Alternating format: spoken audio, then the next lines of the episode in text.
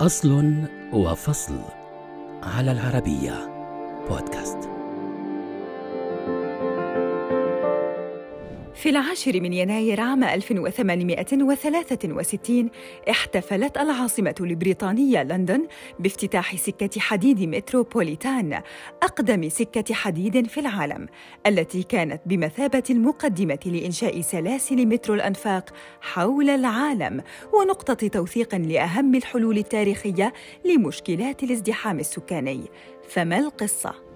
بحلول خمسينيات القرن التاسع عشر وصل الازدحام في لندن لذروته فناقش البرلمان مجموعة من الحلول قبل منها فكرة السكك الحديدية تحت الأرض التي دعمها محامي المدينة تشارلز بيرسون. بعد عشر سنوات من المناقشة في عام 1860 تحديداً بدأ العمل على السكك الحديدية باعتماد أساليب تسمى القطع والتغطية أي عن طريق إنشاء خنادق على طول الشوارع.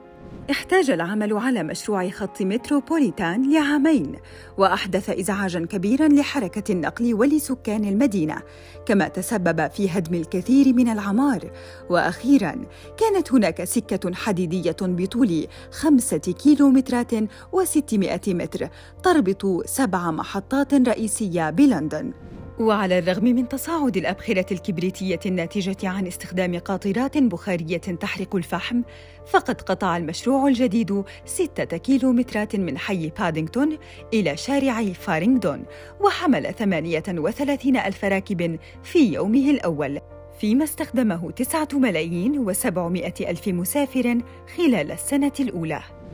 في عام 1866 طورت شركتا سيتي أوف لندن وساوث وورك سبواي العمل على خط أنفاق خاص باستخدام درع الأنفاق الذي طوره جيمس هنري جريثيد وهو ما انتهى إلى تشغيل أول خط سكة حديد كهربائي في عام 1890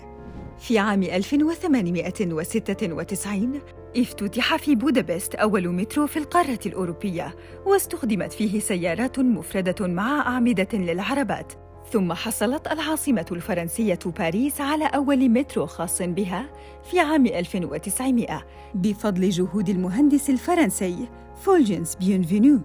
في الولايات المتحدة تم إنشاء أول خط مترو أنفاق عملي في بوسطن بين عامي 1895 و 1897 وكان يستخدم في البداية عربات الترام فيما قامت موسكو ببناء نظام المترو في الثلاثينيات.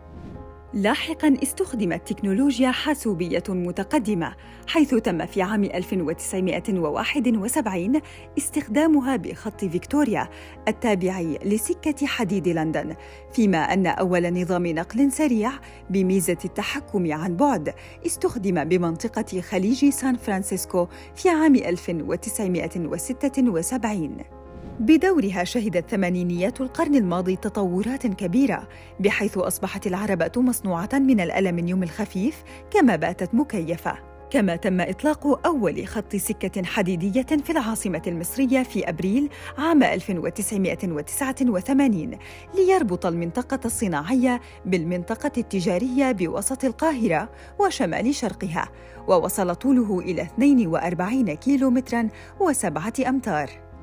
اليوم يوجد مترو الأنفاق في الكثير من الدول حول العالم، لكن يوم العاشر من يناير لعام 1863 بقي يوماً تاريخياً ليس فقط في ذاكرة سكان لندن، بل وفي كل مكان تتحرك فيه قاطرة تحت الأرض حول العالم.